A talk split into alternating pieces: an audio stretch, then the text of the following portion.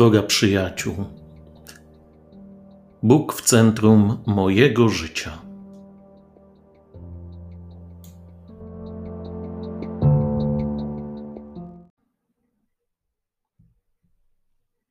Witam Was bardzo serdecznie i zapraszam do kolejnego spotkania ze Słowem Bożym podczas medytacji według metody świętego Ignacego z Loyoli. Zapraszam, abyście poszukali fragment z Ewangelii według świętego Marka, rozdział 10, wersety od 17 do 24. Marek 10, 17, 24. Ten fragment opisuje spotkanie Jezusa z bogatym młodzieńcem. Święty Ignacy zaprasza nas, abyśmy u początku modlitwy medytacyjnej poprosili Ducha Świętego o światło, a później pomodlili się następującymi słowami: Prosić Boga, Pana naszego, aby wszystkie moje zamiary, decyzje i czyny były skierowane w sposób czysty do służby i chwały Jego boskiego majestatu.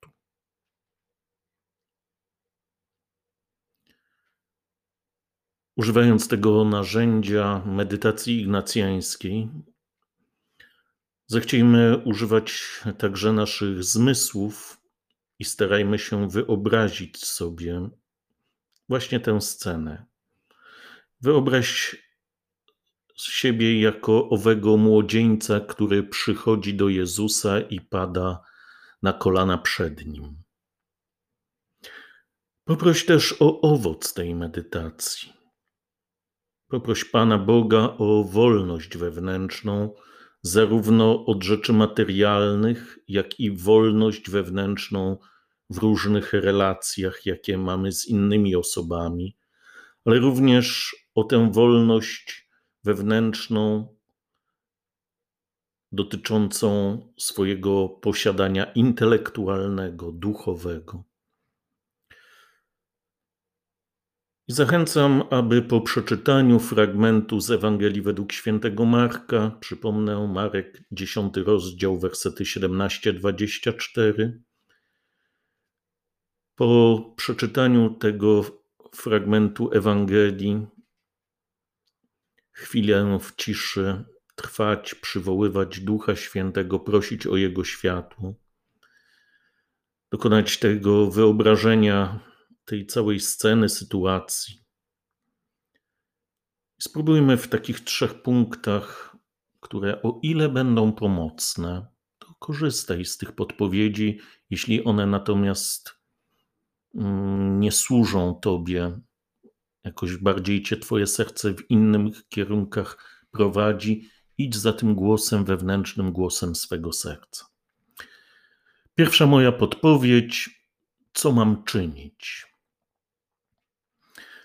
Myślę, że kiedy stajemy przed lustrem i patrzymy na swoją twarz, na swoje odbicie, i w ogóle kiedy myślimy o sobie samych, to wydaje nam się, że znamy siebie dosyć dobrze. Uważamy się za ludzi racjonalnych, empatycznych, altruistów, życzliwych. I można by mnożyć te przymiotniki, określenia, którymi staramy się siebie samych opisać, raczej z tej pozytywnej strony. I zapewne jest to też prawdziwa i szczera ocena mojej osoby. Jednak są obszary naszego życia, które bynajmniej nie przysparzają nam chluby, o których wolimy przemilczeć, może nawet nie za bardzo się chcemy nad nimi zastanawiać, Często uciekamy od nich. Często z tym, co dla nas samych jest trudne, jak to powie święty Ignacy, jakieś nieuporządkowane przywiązanie, chcielibyśmy się rozprawić raz a dobrze, tak już do końca życia.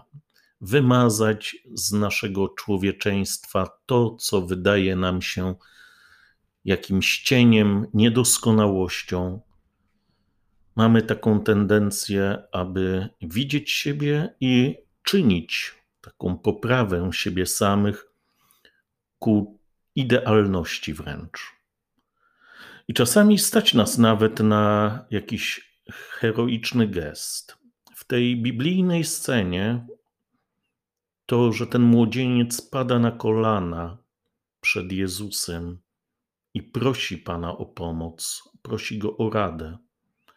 To jest naprawdę taki heroiczny gest z jego strony. Pyta, pyta pełen pokory, co mam czynić? Co ja mam czynić, Panie, aby być wspaniałym, idealnym człowiekiem? I myślę, że w jakiejś mierze to każdy z nas też zadaje Panu Bogu to pytanie. Ale czy na pewno chcę usłyszeć Jezusową odpowiedź? Czy chcę usłyszeć taką odpowiedź, która mnie będzie satysfakcjonowała, która wpisze się w moje scenariusze mego życia, która być może jeszcze bardziej podbuduje moje ego? Ale czy jestem gotowy usłyszeć odpowiedź, która nie będzie zgodna z moją wizją mojej własnej osoby? Spróbujmy jakoś skonfrontować się z tym. Po drugie, drugi jakiś, jakaś podpowiedź, drugi punkt widzenia, drugie spotkanie, perspektywa na ten tekst ewangeliczny.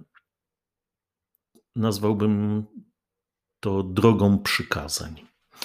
Jezus w rozmowie z tym młodzieńcem wpierw pyta go, mówi mu, o drodze przykazań. E, a więc, czy zachowuje te przykazania? I to chyba jest dobry przyczynek do tego, aby zapytać się, czy ja świadomie kroczę drogą przykazań. Jaka jest moja interpretacja, moje traktowanie przykazań Bożych? Czy traktuję je jako pomoc do mojego wzrostu w człowieczeństwie? Czy raczej przykazania, ten dekalog, to dla mnie po prostu nakazy i zakazy, i gdy coś przeskrobię, no to trzeba się wyspowiadać albo żałować za te grzechy. I traktuję przykazanie jak takie środki restrykcyjne dane przez Boga i Kościół wobec mojej wolności jak podchodzę do przykazań. Jezus wskazuje w tym dialogu, że droga przykazań to podstawa dobrego życia. Ale nie wystarczy przecież przykazań tylko znać, nie wiem, powtarzać je. Nie wystarczy nawet żyć tylko ich literą, czyli no nikogo nie zabiłem, nic nie ukradłem, nie cudzołożę. Ale czy te przykazania Boże są dla mnie świadomym narzędziem mojego wzrastania. Czy widzę, że zakreślają pewną granicę mojego życia i nie po to, żebym ja tej granicy nie przekraczał? Przypomnijcie sobie może e, bajkę o dziurze w płocie, ale po to, że w obszarze tych przykazań po prostu będę wzrastał w sposób bezpieczny. Jak podchodzę do przykazań? I trzecia podpowiedź do tego ewangelicznego tekstu: uwolnij się. Taka, takie hasło: uwolnij się. E, ten młodzieniec nie był wolny od swojej majętności. I bardzo dobrze by się stało, gdybyśmy spróbowali uświadomić sobie, co mnie trzyma, co mnie przywiązuje, co mi nie pozwala na pełną wolność. W jakich obszarach mojego życia jestem do czegoś, może do kogoś bardzo silnie przywiązany? To nie chodzi, że to jest złe, tylko uświadommy sobie, właśnie to przywiązanie. Może dla jednych będzie to przywiązanie do stanu swojego zdrowia. Może dla kogoś innego bardzo, bardzo ważnym takim przyczynkiem, który trzyma mnie, to są sprawy materialne. Ktoś inny jest mocno przywiązany do swojej pozycji społecznej. E, bardzo silne przywiązanie do rodziny pochodzenia, do rodziny, jaką stworzyłem, do dzieci, a może i do moich pragnień. Zobaczmy, na ile te różne przywiązania mnie trzymają, że nawet mój sposób myślenia jest uwarunkowany od tego, do czego jestem przywiązany.